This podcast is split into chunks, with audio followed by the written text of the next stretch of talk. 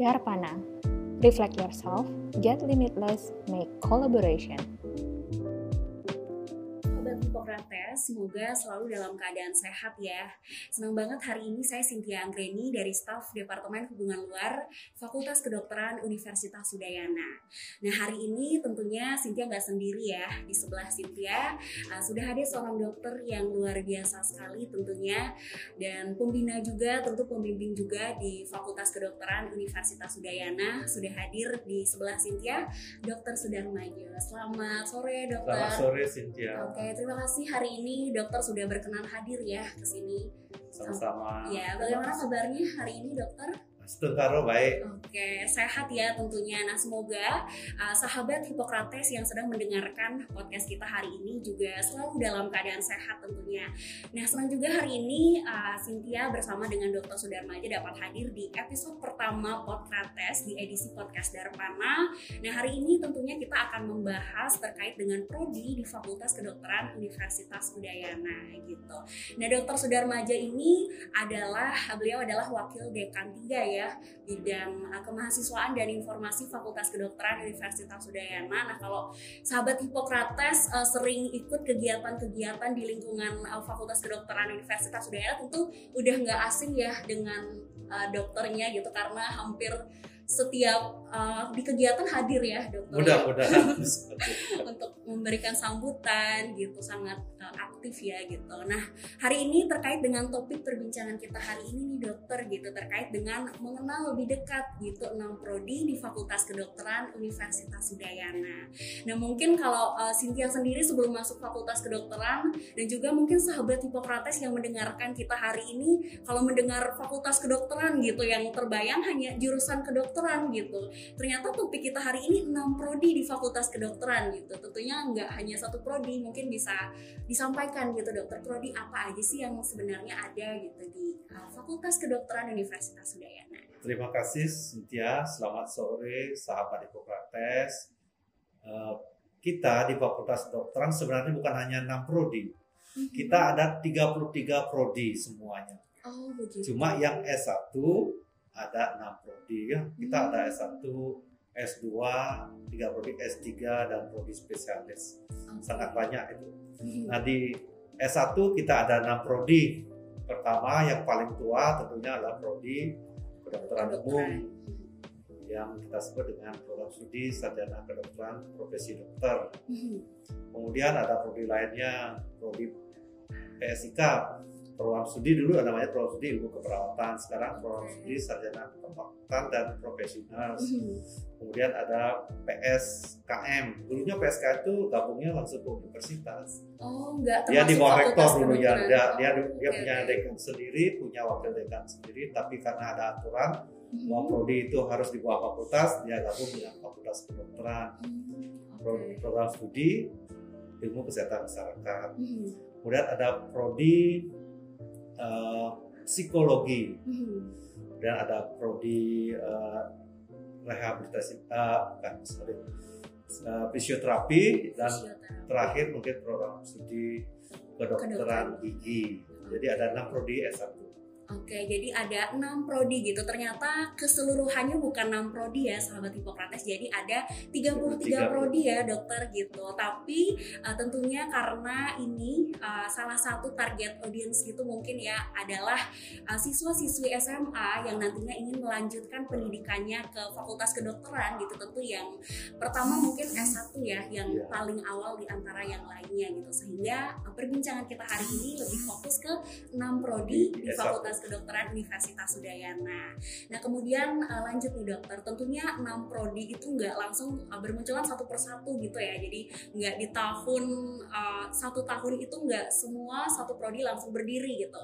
Mungkin bisa diceritakan sedikit bagaimana perkembangan kemunculan masing-masing prodinya mulai dari kedokteran mungkin lalu disusul dengan prodi-prodi lainnya gitu hingga akhirnya saat ini ada enam prodi gitu yang S1. Uh, kalau mana yang duluan muncul mungkin saya sebagian lupa tapi yang saya tahu mm-hmm. saya dulu sekolah kedokteran tahun 84 okay. dan yang pro, uh, prodi yang ada satu-satunya itu adalah prodi kedokteran umum mm-hmm. jadi dulu namanya fakultas kedokteran itu satu prodi kedokteran umum itu berdiri tahun 62 ya uh, sampai lama kemudian uh, ada uh, program studi tadi saya bilang uh, kesehatan masyarakat tapi tidak di bawah fakultas kedokteran. Dia uh, di bawah universitas tapi karena aturan dan dia gabung ke fakultas kedokteran jadi program studi ilmu kesehatan masyarakat yang diketuai oleh ketua prodi jadi sama sama uh, ketua prodi semua jadinya.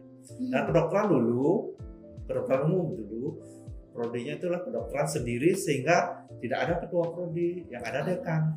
Dekan itu otomatis adalah ketua prodi karena hanya karena satu hanya prodi satu prodi ya karena ada satu prodi jadi otomatis dia adalah ketua prodi Mhm. tapi berkembang sering perkembangan waktu walaupun prodi lain sudah terbentuk sudah ada ketua prodi yang lain tapi kedokteran tetap dekan dulu ketua prodi sampai ada aturan bahwa prodi terus dipimpin oleh ketua prodi baru eh, kemudian eh, menjadi prodi lebih lambat jadinya munculnya Mhm.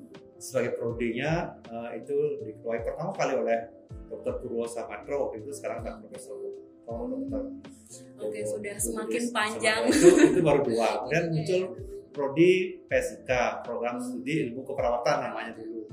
Eh, dulu terimanya PSIK itu bukan hanya S1 yang dari SMA tapi juga menerima yang mereka transfer dari perawat yang sudah bekerja jadi prodi ilmu, ilmu, kes- eh, ilmu keperawatan program studi ilmu keperawatan namanya sekarang program studi eh, sarjana keperawatan dan profesionals Mhm. ya kemudian muncul prodi eh, fisioterapi. Sampai fisioterapi fisioterapi itu sebenarnya sempat eh, apa eh, bergolak juga pembentukannya karena kita tidak memiliki sarana eh, SDM yang mumpuni untuk mengajar sehingga uh, sempat uh, uh, pembentukannya tidak mulus sekali tetapi akhirnya keluar SK-nya dan kita uh, mengakui mengakuisisi dia sebagai prodi tapi di bawah fakultas kedokteran. Setelah program studi uh, fisioterapi muncul kemudian program studi psikologi. Psikologi itu di fakultas kedokteran sudah ada memang departemen perilaku.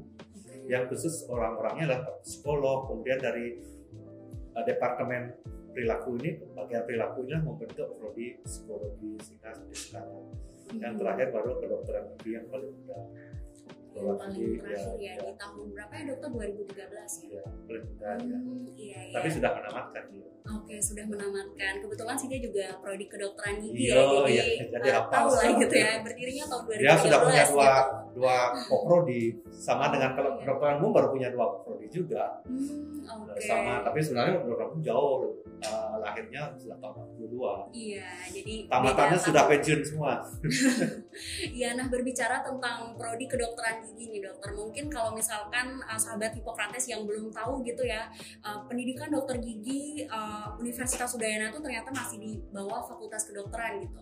Karena orang-orang mungkin kiranya kalau kedokteran gigi ada Fakultas Kedokteran Gigi tersendiri gitu, terus kedokteran ada Fakultas Kedokteran gitu.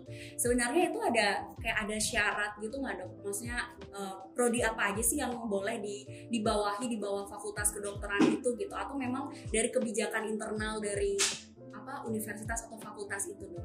ya ini mungkin kebijakan dari universitas ya. Hmm. apalagi ada aturan dari eh, kementerian dulu bahwa kita efisiensi di bidang kepemimpinan sehingga prodi-prodi itu masuk di bawah eh, di bawah fakultas Hmm. memang di beberapa tempat seperti UNER, UGM itu kan terang sama kedokteran gigi Iya, masing-masing FKG. fakultas ya, ya. FKG di sini juga ada di swasta juga ada kan FKG dan lain-lain. Iya. jadi kedokteran gigi berdiri sendiri Mhm. tapi karena kita efisiensi maka semua program studi yang ber- terkait dengan ilmu kesehatan Mhm. dimasukkan dalam Fakultas kedokteran. mungkin namanya juga harusnya fakultas kedokteran dan ilmu kesehatan tapi karena sudah terlanjur namanya fakultas kedokteran jadi prodi-prodi yang terkait dan berbau kesehatan itu masuk ke dalam fakultas Fakultas kedokteran salah satu gigi tapi tidak tertutup kemungkinan suatu saat kalau prodinya sudah maju sudah mapan punya SDM yang bagus punya sarana dan prasarana yang yang bagus juga bisa jadi suatu saat kalau peralihan misalnya nanti ada uh, pergeseran uh, pandangan bisa saja jadi jadi fakultas Oke. psikologi juga fakultas di beberapa tempat Fakultas Iya, psikologi gitu ya iya. berdiri sendiri. Fakultas kesehatan masyarakat juga fakultas di beberapa tempat Hmm, jadi iya, iya. ya, jadi bisa saja nanti suatu saat jadi fakultas kalau itu dianggap sebagai sebuah keputusan Hmm. eh, kebutuhan oleh universitas. Iya, oke. Mungkin itu bisa menjadi karakteristik itu ya, bisa menjadi suatu kekhasan gitu di Universitas Udayana dibandingkan dengan universitas lainnya ya. Kalau misalkan ada FKM gitu misalkan, tapi di Universitas Udayana masih Betul. berada di uh, bawah uh, naungan satu fakultas ya. Tapi Ya, ini menjadi beban berat kedokteran. fakultas. Terlalu bebannya saya misalnya sebagai, sebagai unsur di dekanat, bayangkan dekanat itu memimpin ya 6 prodi S1. Hmm, Oke. Hampir 33 semua prodi. Bayangkan Hmm. kalau universitas bawahannya hanya 13 fakultas, kami di dekanat itu bawahannya adalah 33. Jadi kita punya 3 33 orang yang harus kita uh, lihat, harus kita ayomi, yang harus kita fasilitasi. Jadi banyak sekali. Oke, jadi apresiasi setinggi-tingginya ya untuk uh, mungkin tim dari dekanat juga yang mengkoordinasikan dengan baik ya tentunya 33 prodi di Fakultas Kedokteran Universitas Khususnya Udayana 6 gitu. prodi S1. Ya, khususnya yang 6 prodi S1 ini ya yang kita bahas lebih banyak uh, pada hari ini gitu. Nah, mungkin uh, masing-masing prodi dari keenam prodi itu punya apa ya? punya kekhasan gitu mungkin Dok dibandingkan dengan prodi-prodi yang lainnya selain memang dari fokusnya mereka mungkin kalau kedokteran lebih ke apa? prakteknya itu lebih ya lebih ke kedokteran pada umumnya gitu. Kalau ke kesehatan masyarakat lebih apa gitu. Mungkin ada bayangan gitu bagi pendengarnya kalau kesehatan masyarakat apa ya nanti yang dipelajari Oh, gitu. iya. Mungkin bisa digambarkan uh, satu persatu masing-masing prodinya dok. Ya kalau prodinya kalau kita mulai dari kedokteran dulu ya. Mhm. Kedokteran mungkin orang awam sudah tahu bahwa masuk prodi kedokteran tamatnya dokter dokter, gitu ya. pekerjaan di rumah sakit atau puskesmas atau klinik. Nah, Hmm. itu itu udah uh, di masyarakat. Nah kalau prodi kesehatan masyarakat tamatnya nanti jadi sarjana kesehatan masyarakat. Lalu di mana tempat bekerja pangsa pasarnya itu Hmm. bisa di mana saja.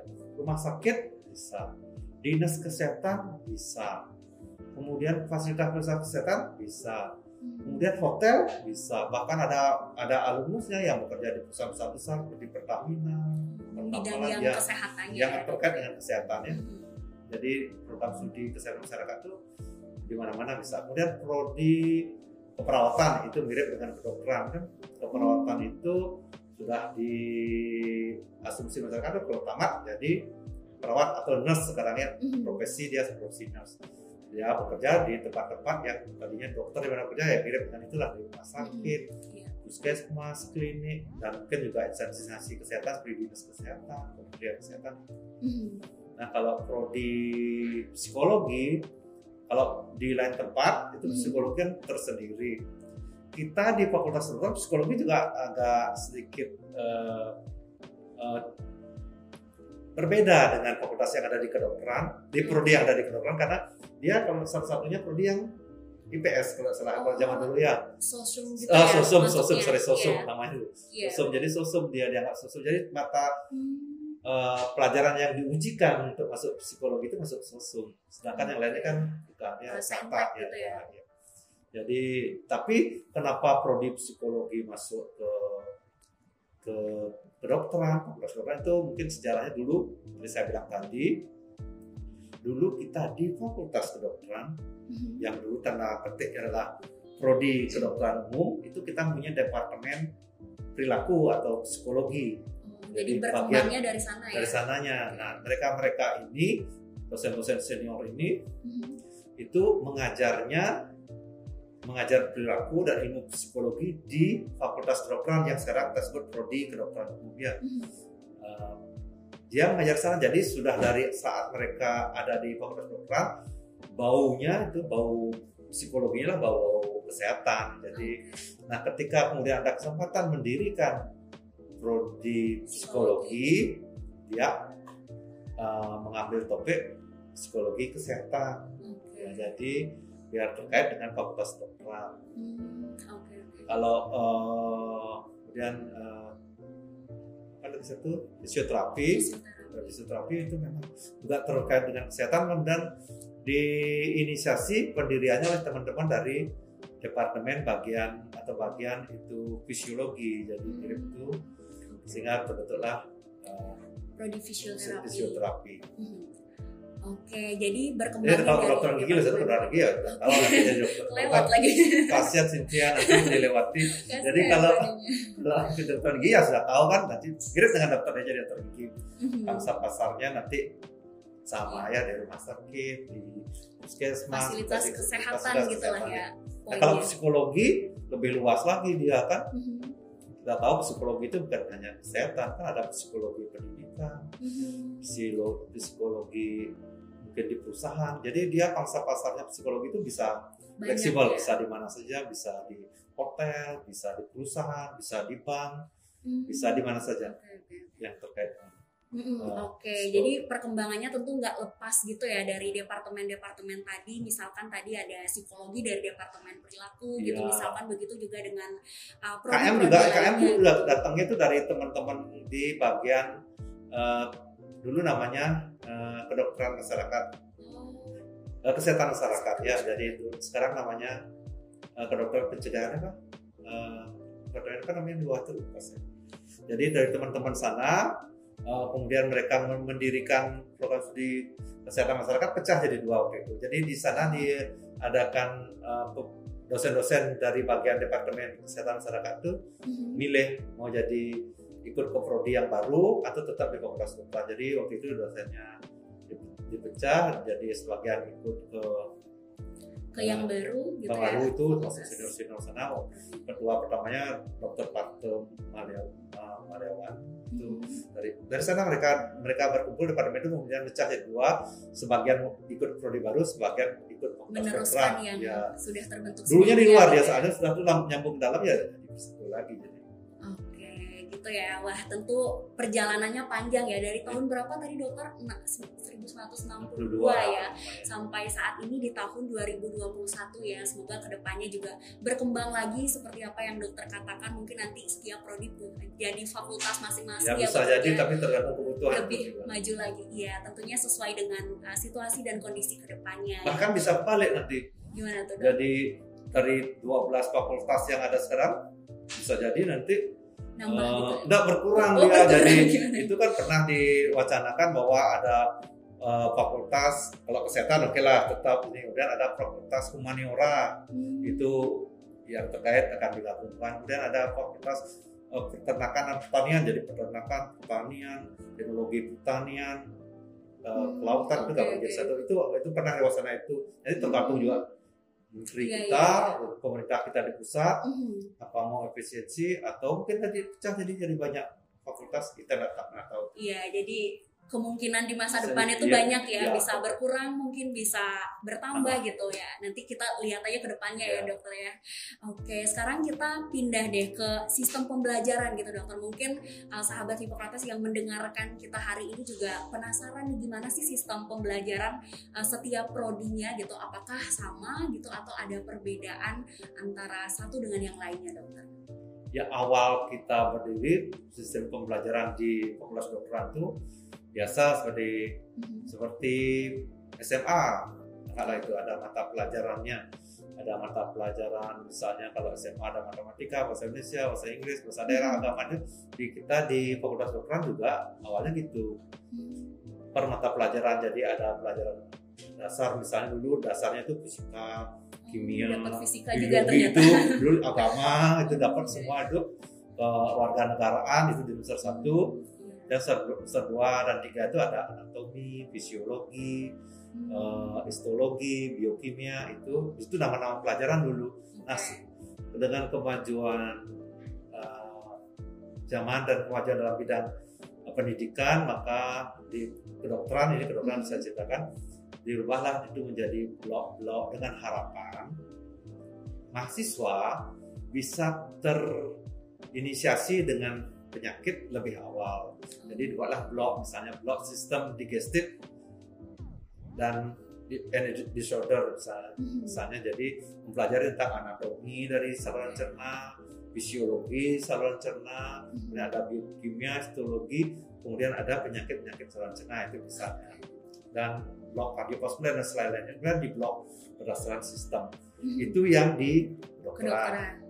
Kemudian di lain tempat juga akhirnya ngikuti, walaupun tidak semua se- sekarang pakai sistem blok, masih ada sistem SKS. Jadi sistem blok itu gini seperti SMA kalau tidak lolos ini nanti ngambil ulang lagi atau uh, nanti remedi lagi tapi tetap naik tingkat terus itu SMA lah jadinya Oh, iya, iya. kalau uh, suatu saat tembok tinggi udah naik tingkat ya diam dulu nunggu dulu dulu semua tapi Hmm. kalau sistem SKS kan kalau IP kita bagus kita boleh ngambil SMA ya, ada UAS gitu ya. ya ada UAS ada ada UTS UAS. Tapi kalau di sistem blok kan full dari bulan ini misalnya blok A. Jadi satu dari pagi sampai sore itu pelajaran tentang itu aja. Mhm. selesai blok ujian.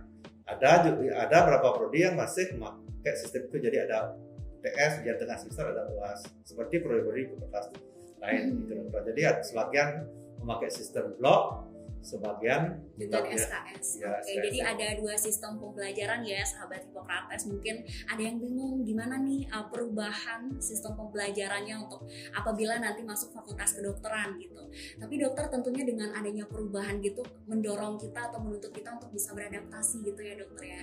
Jadi mungkin uh, dokter ada ada yang ingin disampaikan untuk misalkan ada anak SMA yang baru masuk fakultas kedokteran gimana sih mereka bisa beradaptasi dengan sistem pembelajaran yang baru gitu dokter agar nantinya bisa mungkin mendapatkan nilai yang baik sesuai dengan harapannya gitu dokter.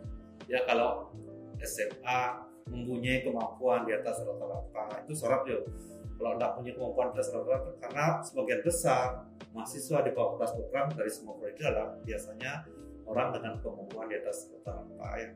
Jadi kemampuan di atas rata-rata dan masuk fakultas kedokteran diperlukan juga usaha yang cukup keras sih jadi harus belajar ya biar bisa ikuti walaupun sistem berbeda tapi kalau anda mempunyai basic dasar kemampuan sudah ada dan usaha yang keras yang Mhm. kuat dan keinginan kuat tentu saya yakin Pasti semua akan bisa bisa ya. ya jadi Perkuat apa pun sistemnya gitu ya. Iya. apa pun sistemnya pasti bisa saja ya karena itu sistem cuma cara mengatur di mana di kuliah di- diletakkan kemudian gimana cara memberikan kuliah dan cara meng- mengassessmentnya menilainya dan segalanya itu uh, smart sistem sedangkan kalau kita sudah memiliki kemampuan atas rata kemudian usaha Hmm. dan kerja keras kita kita jalankan saya yakin semua akan bisa terlewati dengan Iya, baik gitu ya.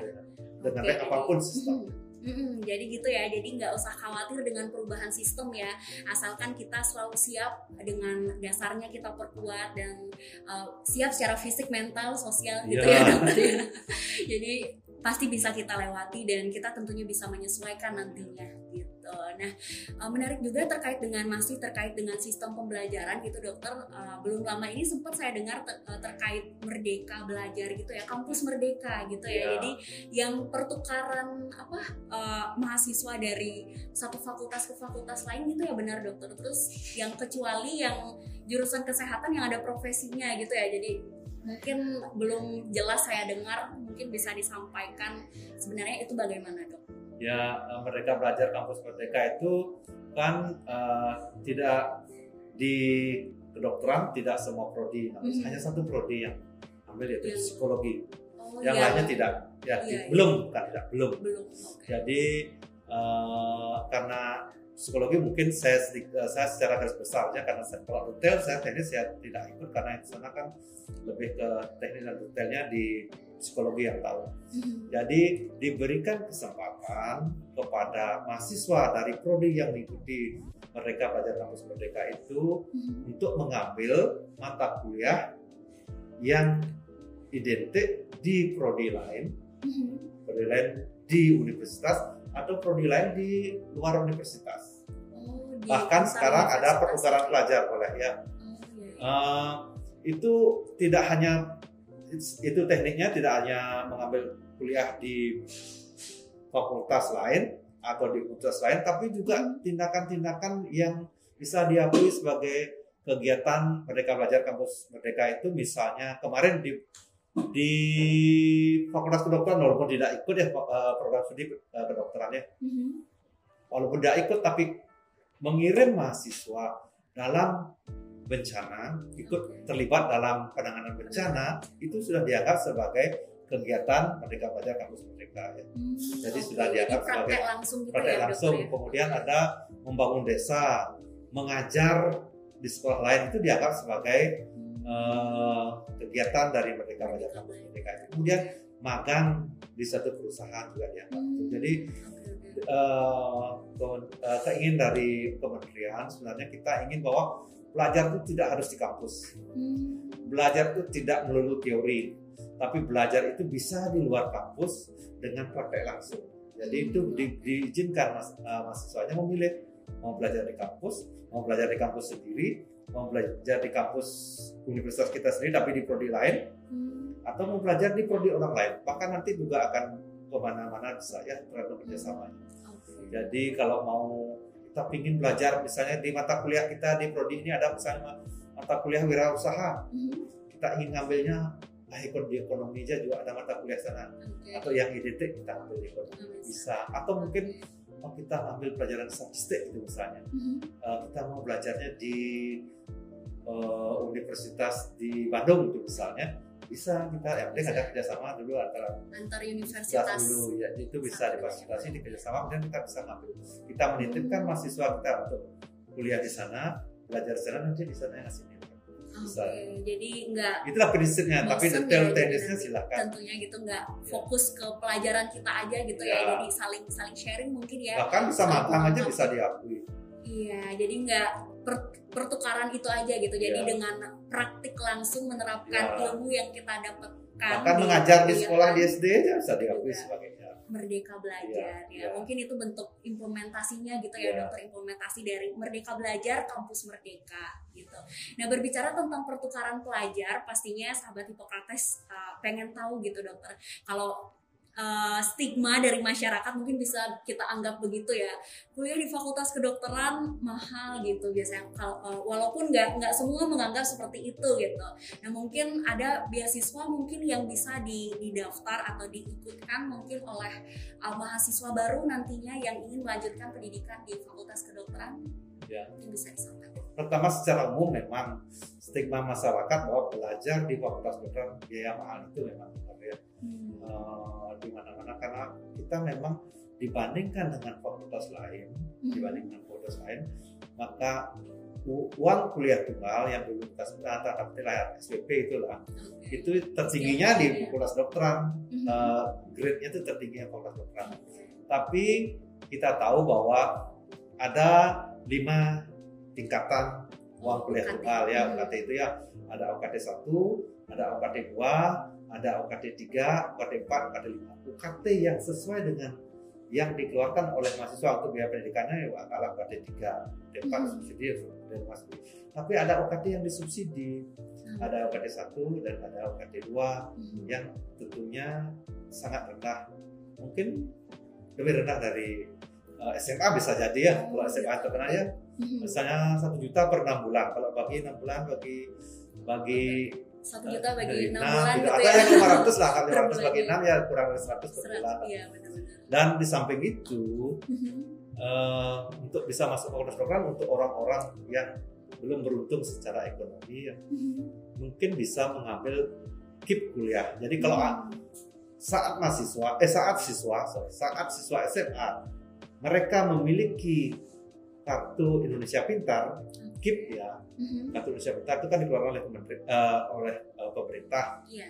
kalau memiliki KIP Mhm. bisa mendaftar eh, masuk fakultas kedokteran melalui jalur KIP kuliah. KIP kuliah dulu namanya bidik misi di KIP kuliah itu eh, mahasiswa tidak bayar UKT Mhm. pertama kedua akan dapat biaya bulanan biaya hidup kalau nggak salah namanya Biaya. ya hidup bahkan sekarang tahun ini biaya hidupnya itu naik tinggi kalau dulu kalau nggak salah sekitar 600 sekarang untuk Denpasar dan Mhm. Badung jadi kalau fakultasnya ada di Denpasar dan di Badung Mhm. KIP itu nggak salah sekarang jadi satu juta empat ratus lima puluh jadi hampir Itu berbeda di setiap kabupaten. berbeda berarti setiap kabupaten kalau misalnya Singaraja Mhm. jadi itu dihitung nggak salah 850 atau 950 per bulan. Uang Itu karena KIP. alasan geografis Uh, alasan ekonomi kalau Jakarta misalnya sama dengan Denpasar dan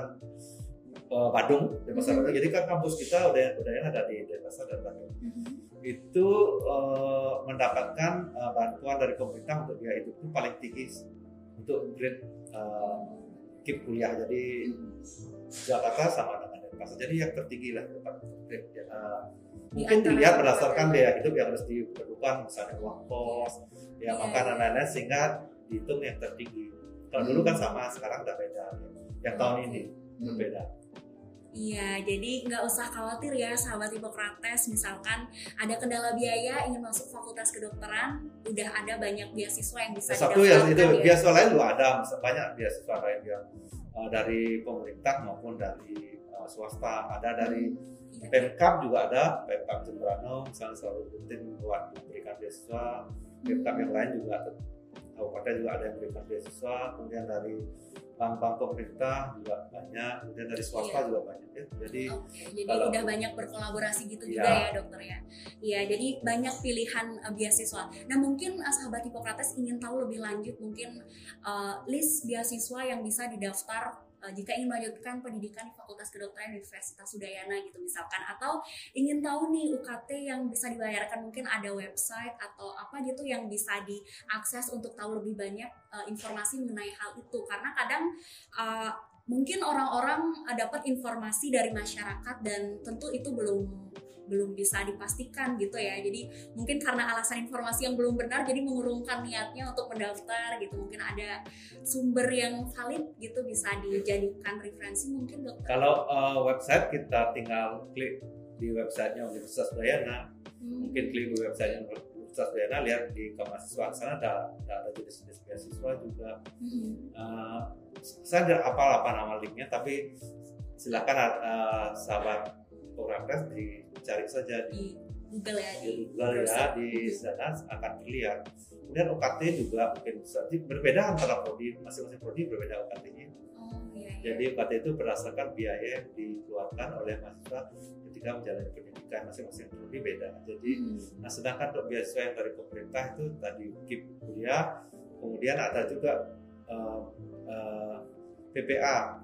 Peningkatan prestasi akademik Nah tahun ini tidak muncul mungkin karena COVID sehingga mungkin dalam mungkin itu sebagian dana itu dialihkan ke bantuan untuk mahasiswa yang terdampak COVID. Hmm. Jadi mahasiswa bisa mengajukan pertama pembebasan UKT, hmm. kedua pengurangan UKT atau angsuran UKT. Jadi yang tergantung yang mana yang ingin di, diambil. Kemudian kalau mahasiswa merasa misalnya uh, yang dibayarkan UKT terlalu tinggi dengan kemampuannya mm-hmm. bisa mengajukan penurunan UKT. Mm-hmm. Samping tadi tadi ada kan pembebasan uh, pemotong pemotongan sekian persen bisa dipotong, kemudian angsuran juga boleh ya. Mm-hmm. Nah, kemudian ada penurunan UKT kalau merasa misalnya uh, terlalu tinggi dengan alasan harus jelas karena kan penentuan UKT itu kan tentukan pertama adik mendaftar dengan berapa punya uh, uh, barang di rumah hmm. dan rumahnya berapa luasnya halaman halamannya detail ya. jadi detail dengan foto-fotonya yeah. juga listriknya berapa itu kan udah detail sehingga hmm. itu yang dihitung sebagai UKT pertama nah kemudian kalau pembalapan misalnya bisa bisa disesuaikan ya. kembali ya. kemudian ketika dalam perjalanan hidupnya misalnya selama menjadi mahasiswa ada pos mayor misalnya up orang tua yang menang itu sakit hmm. atau orang tua yang menang itu ada yang sampai meninggal tuh misalnya maka itu bisa mengajukan UKT biasanya kita untuk hal-hal post mayor itu kita bisa turunkan sampai UKT 2 jadi itu yang disubsidi. Dan bahkan di kemahasiswaan kalau ada beasiswa maka kami biasanya menawarkan beasiswa itu kepada mahasiswa yang terkena post mayor ini. Sudah berapa kali keadaan ini terjadi jadi kita tawarkan ada UKT plus dapat beasiswa hmm. jadi kita iya. ingin mahasiswa kita yang sudah masuk di kedokteran tetap bisa menjalankan. Mm-hmm, okay. Bahkan ada yang gini, yeah, yang kemarin yeah. ada orang tuanya meninggal, mm-hmm. uh, udah ya terus udah. Bahkan ada angkatan mm-hmm. dari Fakultas Kedokteran itu ada angkatan yang mengambil. Jadi oke okay, untuk anak ini biarkan angkat ini angkatan sudah tamat ini okay. angkatan kami yang menghandle. Jadi angkatan itu yang memberikan uang dia. Tiap enam bulan diberikan uang. Jadi dulu juga ada angkatan-angkatan senior juga. Saya pernah waktu mahasiswa, eh waktu saya jadi saya junior ada orang yang orang tuanya kecelakaan di jalan bebas. Jadi itu saya bilang sama dekan. Waktu itu dekannya masih mantan rektor Pak Swastika saya bilang ah ini ada mahasiswa kecelakaan orang tuanya meninggal. Oke kasih ke saya. Jadi angkatan saya yang Jadi angkatan yang jadi Luar biasa ya. ya. Nah sekarang juga ada, sekarang ada maksudnya saya nggak bisa bilang namanya tapi ada juga angkatan ada yang, juga yang seperti itu yang sudah uh, mengambil uh, adik-adiknya ini untuk Hmm. dibiayai. iya iya Sampai jadi dia dapat beberapa dia dapat beasiswa tapi dia juga diambil oleh angkatan. Jadi kasihan Iya. juga kalau dia sudah di jalan jalan punya sepeda. hmm, Jadi masih ada jalan banyak jalan. untuk banyak bisa, jalan ya. untuk ini ya untuk meraih mimpi Ya, asal benar-benar jadi Iya, jangan jadi asal fokus gitu ya dokter Iya. ya. Iya, jadi jaminannya luar biasa gitu ya, mulai dari ada penurunan UKT gitu Iya. bisa diajukan, terus juga ada subsidi, juga ada beasiswa. Jadi ada banyak hal yang nantinya akan uh, menjadi apa ya, menjadi dukungan atau mendukung perjalanan uh, teman-teman nantinya apabila uh, dapat kesempatan gitu ya untuk Iya. melanjutkan studi di Fakultas Kedokteran. Dan tadi juga menarik juga solidaritasnya sangat tinggi Iya. ya, rasa apa kekeluargaan gitu bisa kita bilang dibantu oleh satu angkatan untuk uh, bisa Iya. lanjut ya. Ya sekarang ada angkatan yang Ada juga sekarang. Iya. Oke, jadi luar biasa banget. Nah, jadi uh, mungkin udah banyak hal yang udah kita bahas tadi ya terkait dengan masing-masing prodi. Tentu uh, sahabat Hippocrates sudah makin mengenal lebih dekat dan bahkan uh, dapat meningkatkan keyakinannya gitu untuk nanti mendaftar masuk fakultas kedokteran gitu ya. Nah, sekarang mungkin uh, Siti akan tanyakan terkait bagaimana sih fakultas satu dengan fakultas yang lainnya itu dapat uh, saling bekerja sama gitu, saling fakultas dan prodi. Uh, prodi, Oh, prodi, prodi, ya. uh, prodi yang satu dengan prodi Prodi yang lain di fakultas kedokteran gitu uh, bisa bekerja sama dengan baik gitu untuk saling mendukung satu sama lainnya dokter. Ya. Eh, pertama di fakultas kedokteran kan kita ada enam prodi S1. Masing-masing dipimpin oleh ketua prodi.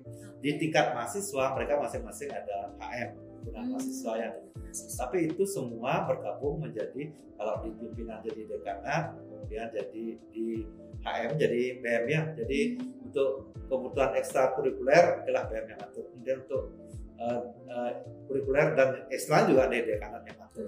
Nah jadi kita ingin eh, semua prodi hidup sejajar ya. Nah tapi kita ada di fakultas kedokteran ada kekhususan kekhususan kita.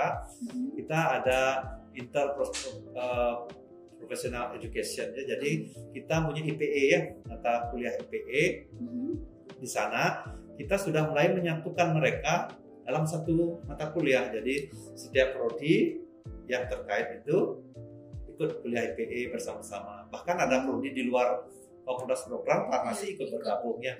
Jadi di IPE ini kita harapkan mahasiswa itu sudah biasa sejak pendidikan menyelesaikan satu masalah secara bersama-sama profesi yang berbeda. Begitu juga nanti di dunia kerja. Ya, di- karena di dunia kerja mereka nah, mungkin seorang dokter bisa kerja sendiri tanpa Kerja bantuan perawat, Iya benar. tidak mungkin bisa bekerja tanpa bantuan orang lain kan. Hmm, Jadi iya. tidak bantuan apotek, eh, apoteker misalnya kalau farmasi. Ya, jadi kita sudah ingin membiasakan bahwa bekerja sama itu harus selalu kita tumbuhkan sejak mahasiswa. Jadi Iya. ada IPE dan di dalam IPE itu akan dikasih satu masalah dan dia akan diselesaikan secara bersama oleh semua prodi sehingga secara akad- akademik kita sudah melatih mereka bekerja sama. Di luar akademik silakan ke BEM, BEM, ada dari BEM juga. Jadi sana kita ingin menyatukan eh, mahasiswa di luar akademik itu lewat kegiatan BEM yang mungkin bersama-sama ya Oh, masuk di iya. BEM. Kalau HM mungkin dia sendiri-sendiri, tapi ketika suatu saat berkumpul di BEM ya kegiatan bersama. Ya. Hmm, iya, jadi uh, tempat ngumpul kita pun uh, satu ya, Ya, sekretariat sekretariat. bersama, sekber kalau kita sering nyebutnya ya. Jadi uh, BEM, HM kita ada di satu-satu tempat mana kita bisa kumpul bersama ya nantinya gitu. Jadi tentunya saling bekerja sama ya sahabat uh, Hippocrates gitu. Jadi baik secara akademis maupun juga non akademis gitu ya.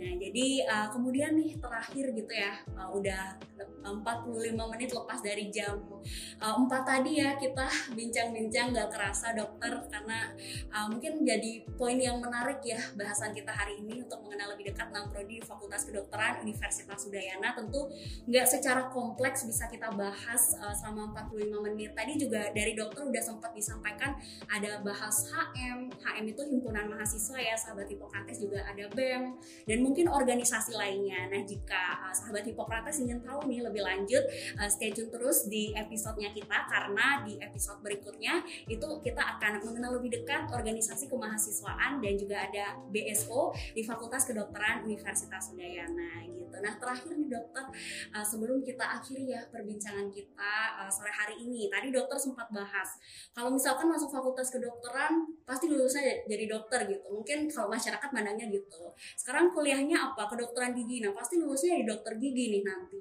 gitu. Uh, tapi terkadang ada mungkin uh, putus gitu ya. Mungkin uh, setelah sarjana mungkin tidak melanjutkan ke profesi gitu sehingga akhirnya tidak tidak ini ya tidak uh, yang masuk kedokteran tidak lulus sebagai dokter, yang masuk dokter gigi misalkan tidak lulus sebagai dokter gigi. Nah sebenarnya wajib nggak sih itu dokter misalkan udah sarjana kedokteran harus lanjut profesi nih gitu atau opsional dari individunya masing-masing aja dokter? Iya terima kasih sebenarnya gini orang masuk fakultas program studi pendidikan dokter harusnya di angan-angan jadi dokter kan Iya. masuk program studi kedokteran gigi Mhm. sarjana kedokteran gigi profesi dokter gigi tentunya pasti dokter gigi angan-angannya Mhm. oke itu dan itu sistemnya nyambung jadi secara otomatis dia ketika selesai sarjana kedokteran Mhm. lalu ya dokter ya sarjana kedokteran atau sarjana kedokteran gigi atau sarjana keperawatan otomatis dia bisa otomatis nih dia akan cuma berubah nim aja nah kembali ke Iya. mahasiswa otomatis akan lanjutkan jadi otomatis itu. Jadi nah kecuali misalnya ada pos mayor mereka ingin berhenti itu tidak apa-apa. Tapi eh, dua prodi lain kalau KF kan tidak ada profesinya dua prodi lain misalnya psikologi eh, fisioterapi Mhm. ketika dia sarjana Mhm. dia bisa berhenti total misalnya eh, psikologi sarjana psikologi Hmm. tidak wajib sekolah karena sekolahnya belum ada di sini kan harus ke Oh, tidak ada kerjasama dengan Surabaya profesinya. dan eh, demikian juga dengan eh, fisioterapi Mhm.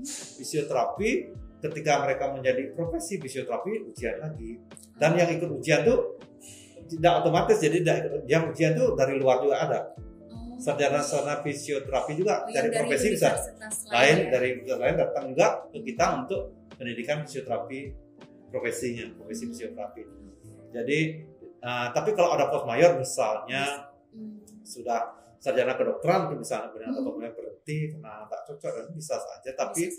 Bisa melanjutkannya ke S2 misalnya untuk jadi peneliti Hmm, iya, atau uh, mau jadi yang lain bisa saja sudah itu tapi itu diakui sebagai sarjana makanya ketika sarjana mereka diwisuda iya. Oh, iya. Jadi sarjana kedokteran, sarjana kedokteran diwisuda dengan Nanti harapan kalau ya setelah Ya. dengan harapan kalau mereka berhenti Mhm. karena saya tak ingin misalnya, kemudian mereka bekerja mereka diakui sebagai sarjana. Bisa saja mereka S ket itu berhenti Mhm. kemudian kerja di departemen kesehatan atau kerja di rumah sakit tidak sebagai dokter tapi sebagai misalnya di manajemen bidang apa misalnya Hmm. yang terkait dengan itu bisa Oke, aja. Jadi tetap sebagai tenaga kesehatan ya nanti. Nah, tapi yang kita harapkan orang masuk ke kedokteran, ada Ya, kedokteran jadi gigi, dokter. jadi dokter gigi. Harapannya Atau seperti itu ya, Tapi kalau tapi itu bisa, tidak- karena sudah diwisuda dia diakui sebagai sarjana. Iya, tapi tidak menutup kemungkinan Iya. bisa gini ya dan uh, tentunya di wisuda juga dan diakui sebagai sarjana dan ke depannya dapat kerja di fasilitas kesehatan sebagai Atau fasilitas yang lain, tapi sebagai sarjana diakui sebagai sarjana.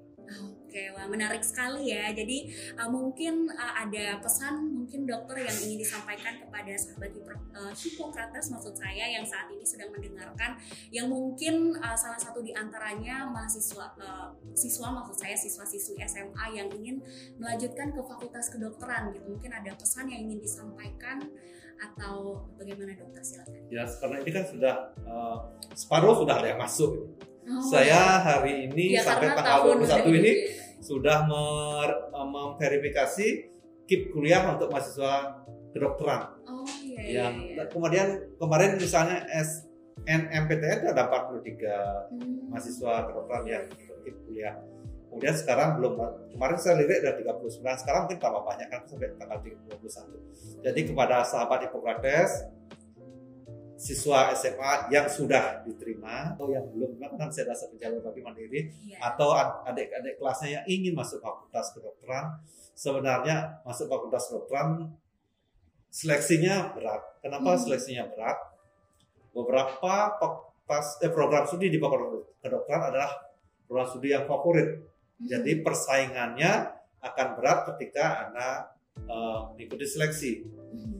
Nah, untuk bisa masuk, jadi Anda harus persaingan ini yang harus Anda bisa kalahkan dengan teman-teman selevelnya Hmm. bagi adik-adik yang sudah masuk sahabat Hippocrates yang sudah masuk eh, fakultas kedokteran ya sudah masuk ini kan baru baru terima Iya. Nah, baru pengumuman kemarin ya Hmm. jadi anda sahabat keras diperlukan usaha usaha dan kerja keras selama menjadi mahasiswa menjadi mahasiswa beda dengan menjadi siswa ya Hmm. Mahasiswa itu sudah ada tanggung jawabnya tidak hanya disuapi kalau siswa kan masih disuapi Hmm. bisa saja anda disuruh silakan baca ini baca jadi uh, relatif sudah uh, dianggap lebih dewasa sehingga bisa mencari sendiri Mhm. belajar sendiri dan nanti uh, akan ada evaluasi tersendiri ya Hmm. jadi yang penting usaha dan kerja keras kalau anda sudah lulus pasti anda sudah diakui sudah memiliki kemampuan di atas rata-rata sehingga dilanjutkan usaha dan kerja keras bagi mereka yang belum silakan usaha dan kerja keras Anda, belajar yang giat, karena yang menentukan masuk Anda ke sini itu adalah diri sendiri. Kalau bisa melewati mengatasi saingan yang sesama dengan Anda selevel ya silakan masuk sini. Dan untuk di sini bekerja, berusaha yang keras, tetapi tidak usah sampai stres karena di sini kita disediakan banyak hiburan dengan lewat-lewat organisasi kemahasiswaan ya banyak. Jadi kita Hmm.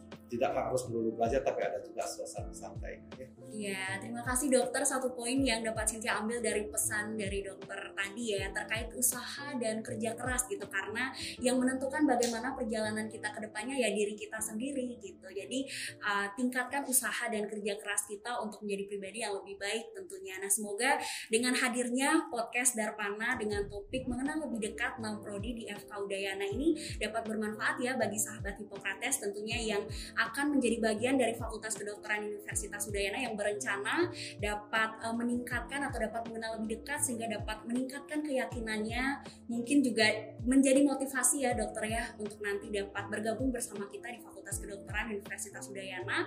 Dan untuk sahabat Hipokrates yang sudah menjadi bagian dari Fakultas Kedokteran Universitas Udayana dapat lebih uh, dek- uh, mengenal lebih dekat lagi dan dapat uh, cinta alma mater tentunya ya alma mater kita Universitas Udayana khususnya uh, Fakultas Kedokteran gitu. Terima kasih hari ini sudah hadir dokter tentunya perbincangan yang luar biasa ya dari tadi